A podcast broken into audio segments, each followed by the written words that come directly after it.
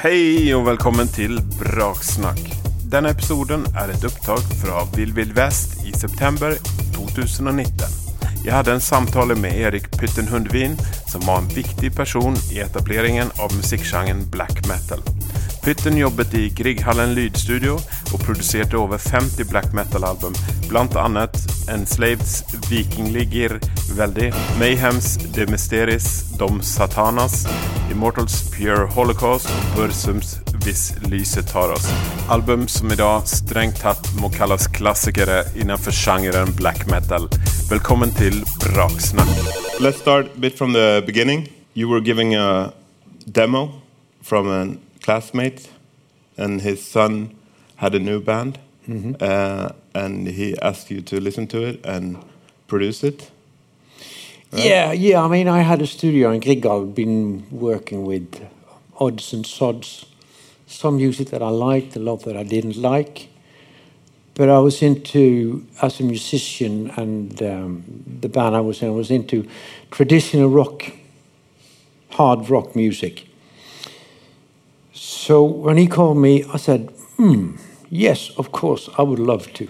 And he said, well, you just listen to the music before you say that. but I met the guys, I got the demo, and it kind of, I was prepared because um, at home, at off hours from my kids when they were looking at Sky Channel, I sneaked into some uh, some other channels that were, were, playing a lot of thrash music, which I find very interesting, especially the sound and um, and the chord progressions. So when these uh, these guys came to me with the music, I was, ooh, yeah, hmm, fantastic.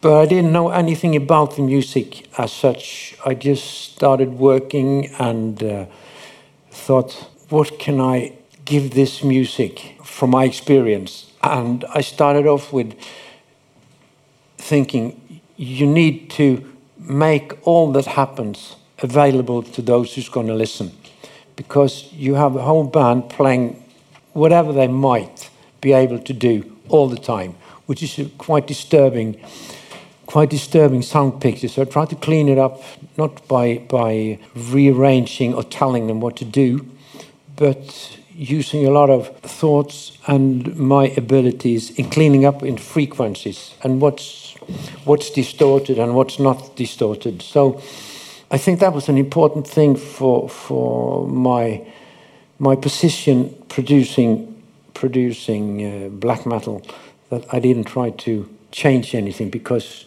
my first thought, my God, they thought about the music, they invented the music, they rehearsed the music, and they're trying to, to create a sound. So you just listen and find what's ever in there and try to present it to those who's going to listen. I have one, one really important thing while, while I'm producing, whatever it is. You're going to take something in your mind. I'm going to take that through the people who place it, through a very rough technical process, and it's going to end up. And those days, in the beginning, we, we used vinyl, but it really fast ended up on, on CDs uh, oh, sorry, we used cassettes as well, and it ended up on CD, which is a tiny bit of plastic. To me, absolutely just a tiny bit of plastic, nothing more, but it contains music. And people are going to put it in, they're going to start it, they're going to listen to it, and I want them to, ooh, I want to listen to that again.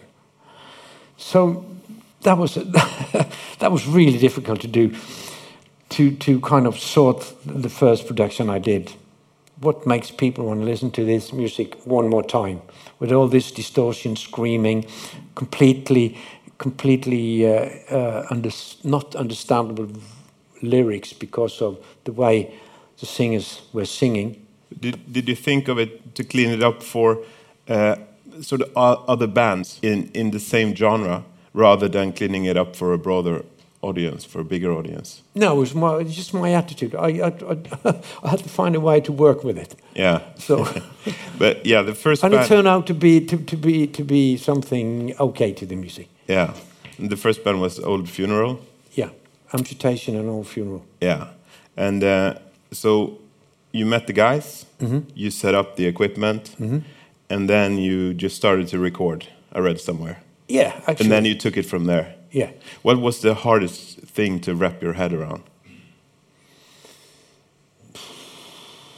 well, it wasn't that hard. I mean, I had to I had to find a way to to bring out the melody lines because normally in, in, in, in more standard rock and roll you have very easy accessible melody lines but in black metal with really distorted music and really really indeed distorted guitars you have to find how to bring it out and i was again back in my studio on my own, just listening, listening, listening, and working with frequencies because because even in really hard distorted music, you can't find melody lines, but I, I found it by using sweeping frequencies. And, uh, and, and when I heard the melody coming out, I thought, okay. And then I have to, then I had to, to convince some of the guitarists to say that, oh no, it's, that was too clean, it was too middly, whatever it was, but it was a melody. So we, we, um, I went a bit back. They could have their distortion, I could have my melody. So maybe that was the hardest. Uh, Nothing was hard, actually. It was just great fun. A lot of work, really much work, but a lot of fun. You did the uh, amputation and old funeral, and then it just sort of started to, you know, roll, and you got more and more production gigs. I think, I think people feeling comfortable, feeling their music and their personalities treated in a decent way was an important thing that more people came to my studio. But if you're, if you're out of town of Bergen and you live somewhere else, you wouldn't feel the, the, the comfortable situation in the studio. So, I mean, we managed to put something into this music, to create the music in such a way and the sound that people heard it and said, wow, we like that. We want to try. Uh, I was really especially interested in toms because when people started coming to my studio, sometimes the toms were like you couldn't use them for you couldn't, even turn them over and, and, and, and, and carry some water in it. They're completely unusable. So I had to work on the toms because I mean toms is supposed to be so, sort of, of, of I think of all of all the macho in the drum kit, I think the, the floor toms are the most macho. Kagoom, da-dang. You do it for a reason, and you, you, you expect the sound back with it. So we had to, to work on it to do that. And when I listen to some of the earliest things I did, which is only on cassette, I think, hmm, those tones sounds quite good. But that was hard work. Because they didn't understand they could come with a, with, a, with, with, with a drum that was nothing more than a heap of shit and get it to sound fantastic. I mean, it all starts with what you do, what, what, what instrument you have, and then you have to, to, to work on the instrument. Like a really, really good Norwegian drummer once told me, uh, you see this? He said, because I said, this is, you got a lovely sound in your drums. And he said, do you see this? And I said, yes. It isn't much this one can do by itself. So someone have to make the instrument really, really good and sound the way you want. You have to search in your head, always in your head. There was a guy, I got a mail the other day from a 16-year-old kid and asking me about Øystein in Mayhem. And he said, how can I get Øystein's tone? And I just said, you can't. That's impossible because this is really connected in how you think and what you do and what you hear and how you adjust. This is creating your, your, your sound of creating these things. It's a kind of, it's a kind of, uh, uh, it's, it's, it's a feedback situation. You do, you hear, and what you hear changes what you do. So it goes like this, and suddenly you find a tone. So, but you need to have to work, and like I said earlier, you have to work really, really hard. So all these things, I think, brought out the situation where people came to my studio more. Yeah, a lot of these bands were really young. I, Mm-hmm. I don't know how young, but maybe some people were. You know, we talk about you met Ivar when he was 13 or something, or Yeah, 30, something, 13, Yeah. 15. Yeah. I mean, my God, he was doing that when he was so young. Yeah. um, do you think that that you became some sort of a musical father figure? Like, you can I can imagine these bands not getting the feedback or the respect at a home for this Mm-hmm. music. But when they came to you, they found someone without judgment, without that was open. Well, I had a lot of judgment. Yeah. Yeah. what sort of judgment? Yeah, well, I understand what you mean, and you're probably right. I was a grown up. Well, I had I had kids in the same age. Yeah. Almost, almost. But you wanted to um, rather than change them. You, di- you didn't want to steer them. You want to um, give them space to do Oh. yeah, what I was wanted. curious. I was yeah, curious. Whatever is in this strange music, yeah, I need to find it. Yeah. And what was it? What was it in this music that draw you? It was. You're a hard one. Yeah. yeah. I'm, I'm coming from the outside, you know. I know you're Yeah. Swedish. Where, is, where, is, where in Sweden are you from? I didn't mean it like that. You didn't answer. No, I didn't answer. Okay, It's uh, it's not the topic here today. okay, okay. Next next year. Um, this was during the 90s in a sort of serious period in, in Norway, or like it was, for me, it felt like I moved. Actually, now I'm going to tell you, I moved Oh, from you. Sweden to Norway during the 90s Okay. and found it um, a bit Soviet Union ish. Yeah, yeah. The whole country. Norwegian? Yeah, the TV. The the Norwegians? Yeah, Okay. No, not the Norwegians per se. Um, but, um, you know, the country, the school Okay. system, Okay. The media, the music. It seemed like, um, yeah, sort of a. It, it didn't land too well from the 80s. I think Hmm. in the 80s it was sort of popping with Jan Teigen and showbiz and glitz and glamour.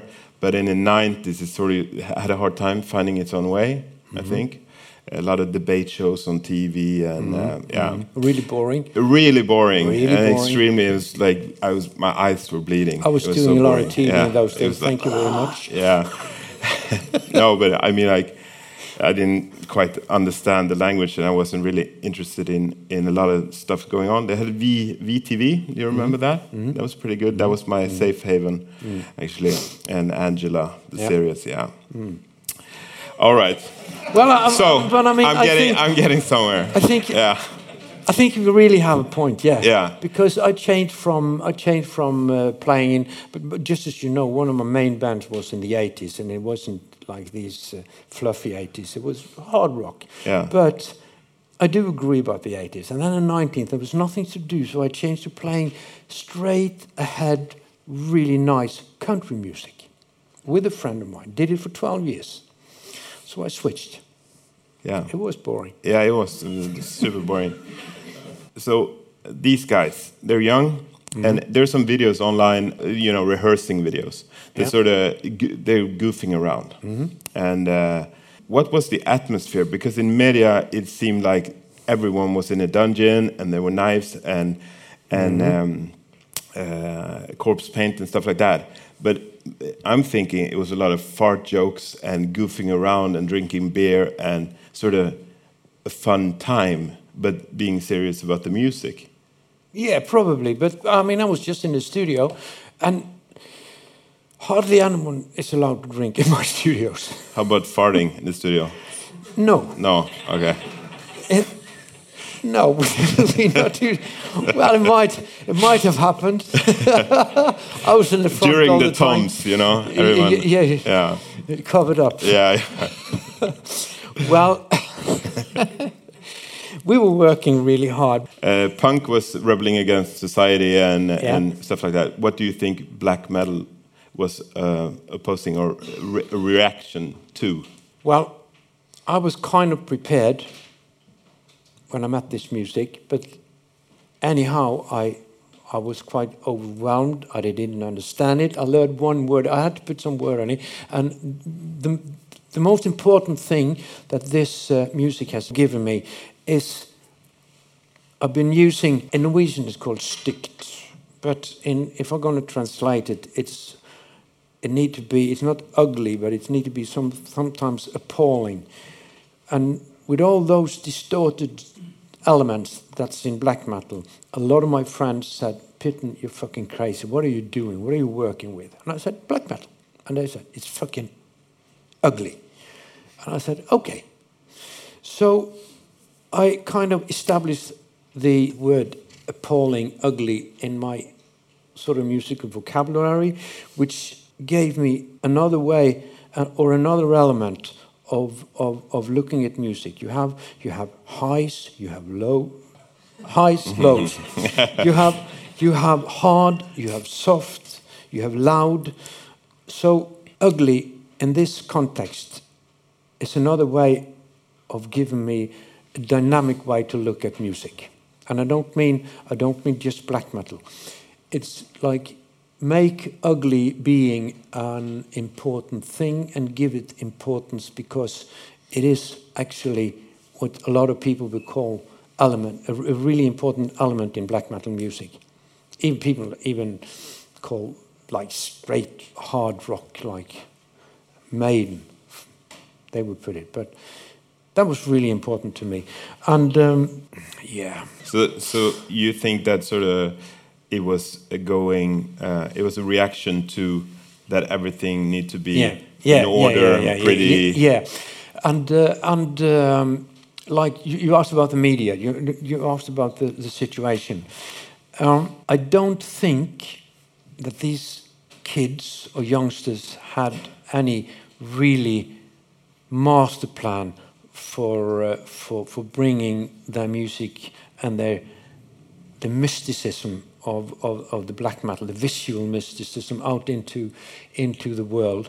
Suddenly, they met themselves through the media, which I think was really exciting. Mm. And then it started working. Back to this feedback situation. You do something, you get an input back, and you think, and you change your first reaction and, and work on it. That's how I think the media worked on these guys. And I don't think it was planned, but, but it happened, and the media, sorry if there's any journalists here, but sometimes you, you, they're mindless. One thing that impressed me quite a bit was the way these people had um, had some communication system that they did with fanzines mm. and, and cassettes. Mm handwritten the, letters. The cassette was yeah, well. the cassette yeah. was was was was traveling about in the whole world. Yeah. And Did that's, you, I mean, that's a fantastic thing to do. Speaking of underground, but that was really, really, really an underground situation. These cassettes that was moving about. Yeah, and you also changing ideas, changing yeah, music. You had to deliver the goods to get the goods. Sort of, you couldn't really pay for it in that way. Yeah. It was like, um, mm. you know, writing letters, uh, buying fanzines and then communicating via music. Mm. And that's also something that's sort of lost now. Mm. They, they hadn't they didn't have much money, so they did it the cheapest way. But they didn't. It didn't stop them. Like like uh, musicians I've worked would say, "Oh, we we we we won't record today because in two and a half weeks there will come a new sound model which has a much better snare drum sound. It's nothing about that. It's not. It's about ideas that you want to bring out. It's it's all it's it's all a mindset, and then you have to make the sound to the mindset. Yeah. And I think they were really really clever about that. I yeah. really do respect it. Yeah. The sound of uh, the sound of black metal is really together with the the visual image, mm. and it's the the um, the mysticism that I call it, and it's based on it's based on, from my point of view, quite a bit on Norwegian old tradition and old old old mysticism. Like there's a Norwegian artist called Theodor Kittelsen, which have images that I actually see after I've worked with all these black metal bands and also all, all their visuals, thinking, hmm, he was doing black metal paintings before it even existed.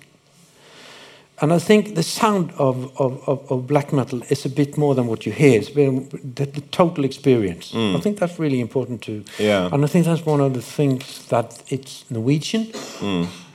and it's it's uh, it's recognizable. Mm. I think it's more than one.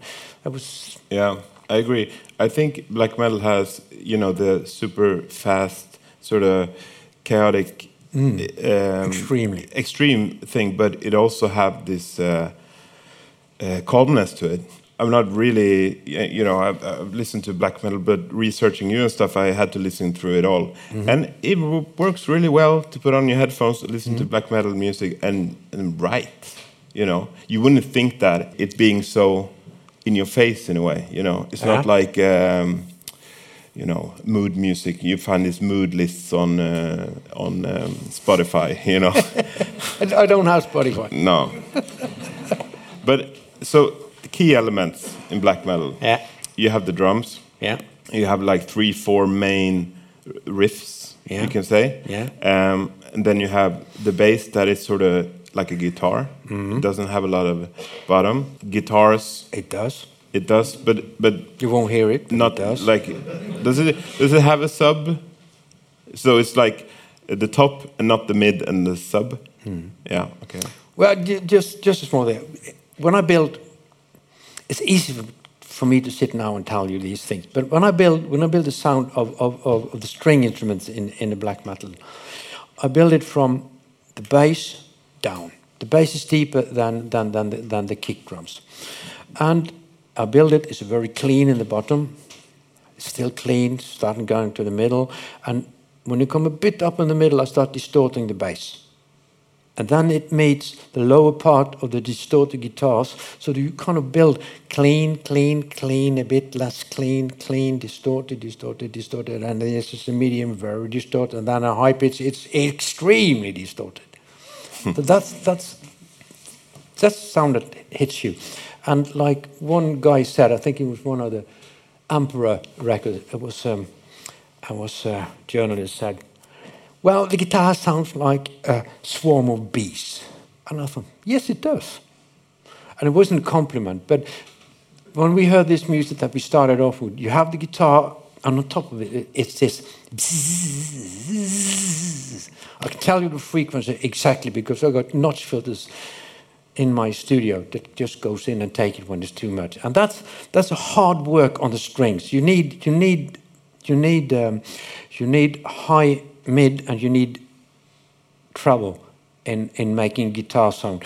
And when when the pick hits the strings in the fast way, it creates this sound. You can't avoid it. At least can't I. yeah it's sort of I'm not dead yet. hypno- hypnotic actually it sort of Yeah. make this Yeah. a, a lot of the riffs are like based on maybe three or four maybe five uh, notes Mm.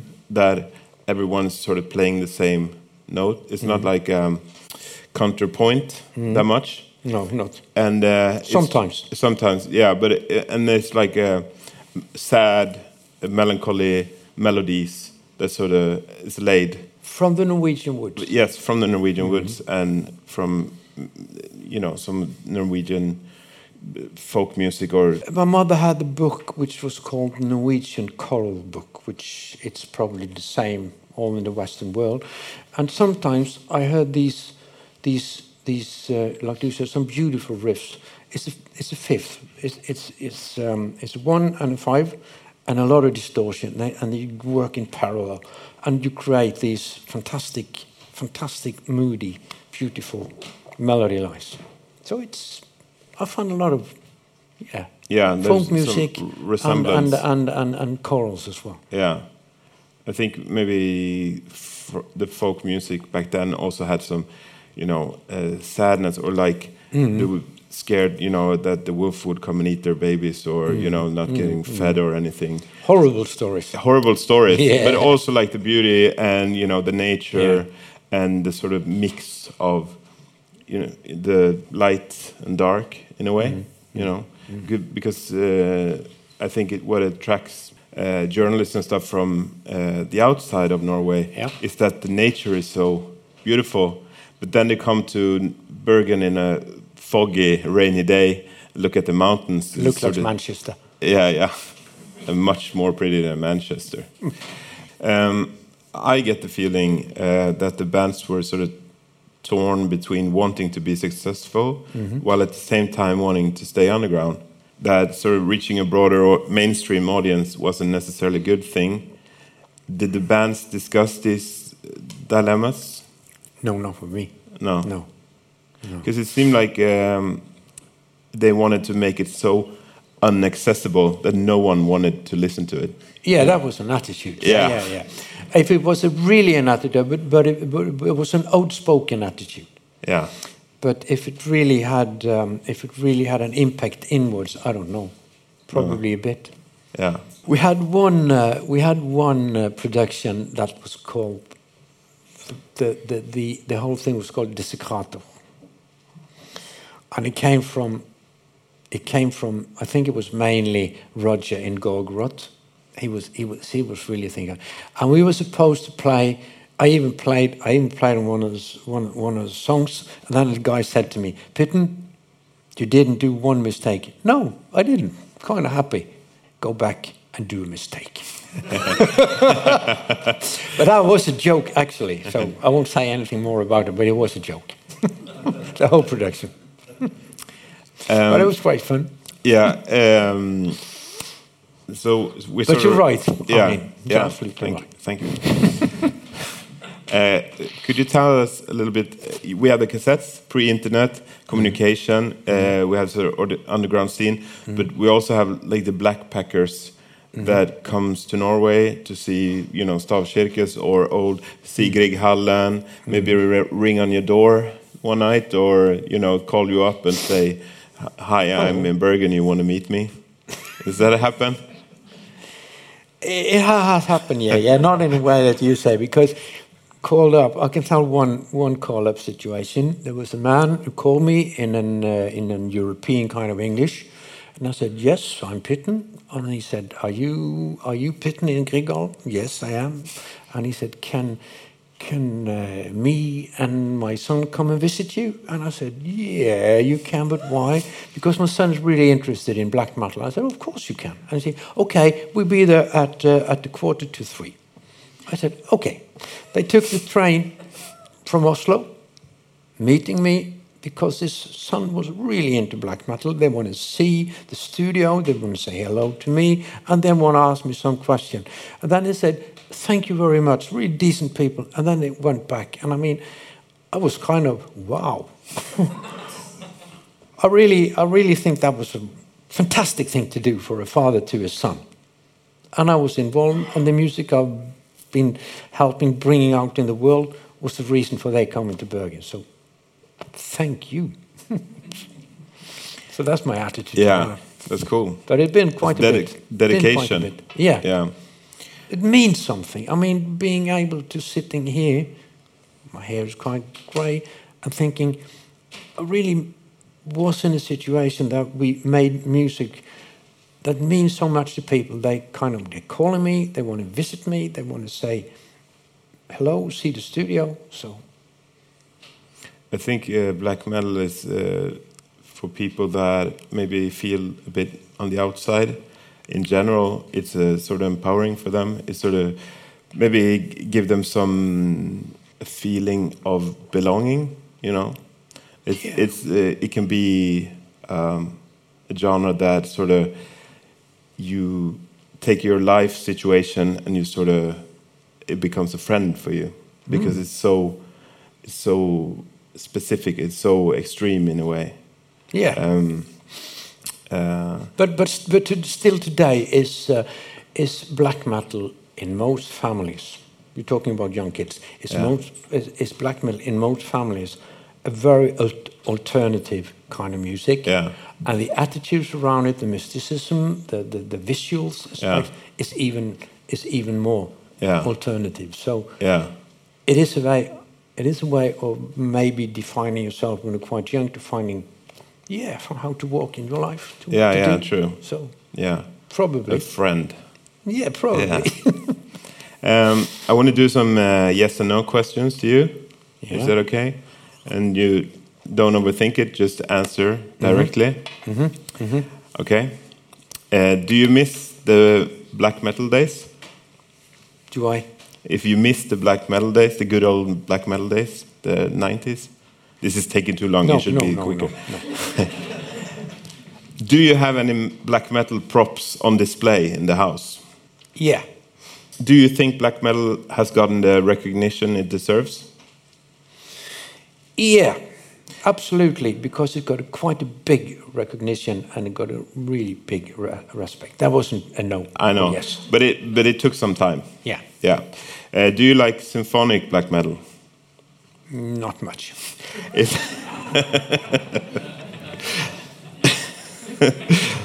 No. no, no. uh, is black metal the new Norwegian folk music? No. Did the bands ever wear corpse paint in the studio? No. No. Yes. No. I mean, not all of them, but did it happen? The makeup? I think there's a lot of debates about black candles and corpse paint in the studio, and here you can confirm or unconfirm. No. no, that's a maybe. Were you happy about Tom van Heer's portrayal of you in Lords of Chaos? Yes, but I don't smoke. You don't smoke, no. Making you a bad boy. Yeah. Uh, have you Googled yourself? No. That's a lie. Are you still in touch with the people from the scene? Yes. Yes. Thank you so much uh, for coming. Uh, it's been really interesting, and it's been also interesting to, you know, g- getting to know your history and what you've done. And I think it's super impressive. I, I can't say this enough. Uh, you know, the you. work you've done is, you know, Thank you. I, I, I think you deserve, you know, the uh, honor medal from the king or something. like Dennis got. Yeah. yeah, you should have one too. Okay. I should make some calls. So um, give a warm uh, applause for uh, Pytten and um, yeah, thanks for coming. Välförtjänta press där till Pytten. Tusen tack till han och tusen tack till alla som jobbat på Vill Vill Väst i 2019. Dere finner Brak på Instagram under namnet att brak musik. Följ oss gärna där och på Facebook och abonnera gärna på denna podcasten visst du följer kallet. Vår hemsida är brak.no. Vi är tillbaka med en ny episod om kort tid. Mitt namn är Christian Stockhaus och detta är Braksnack.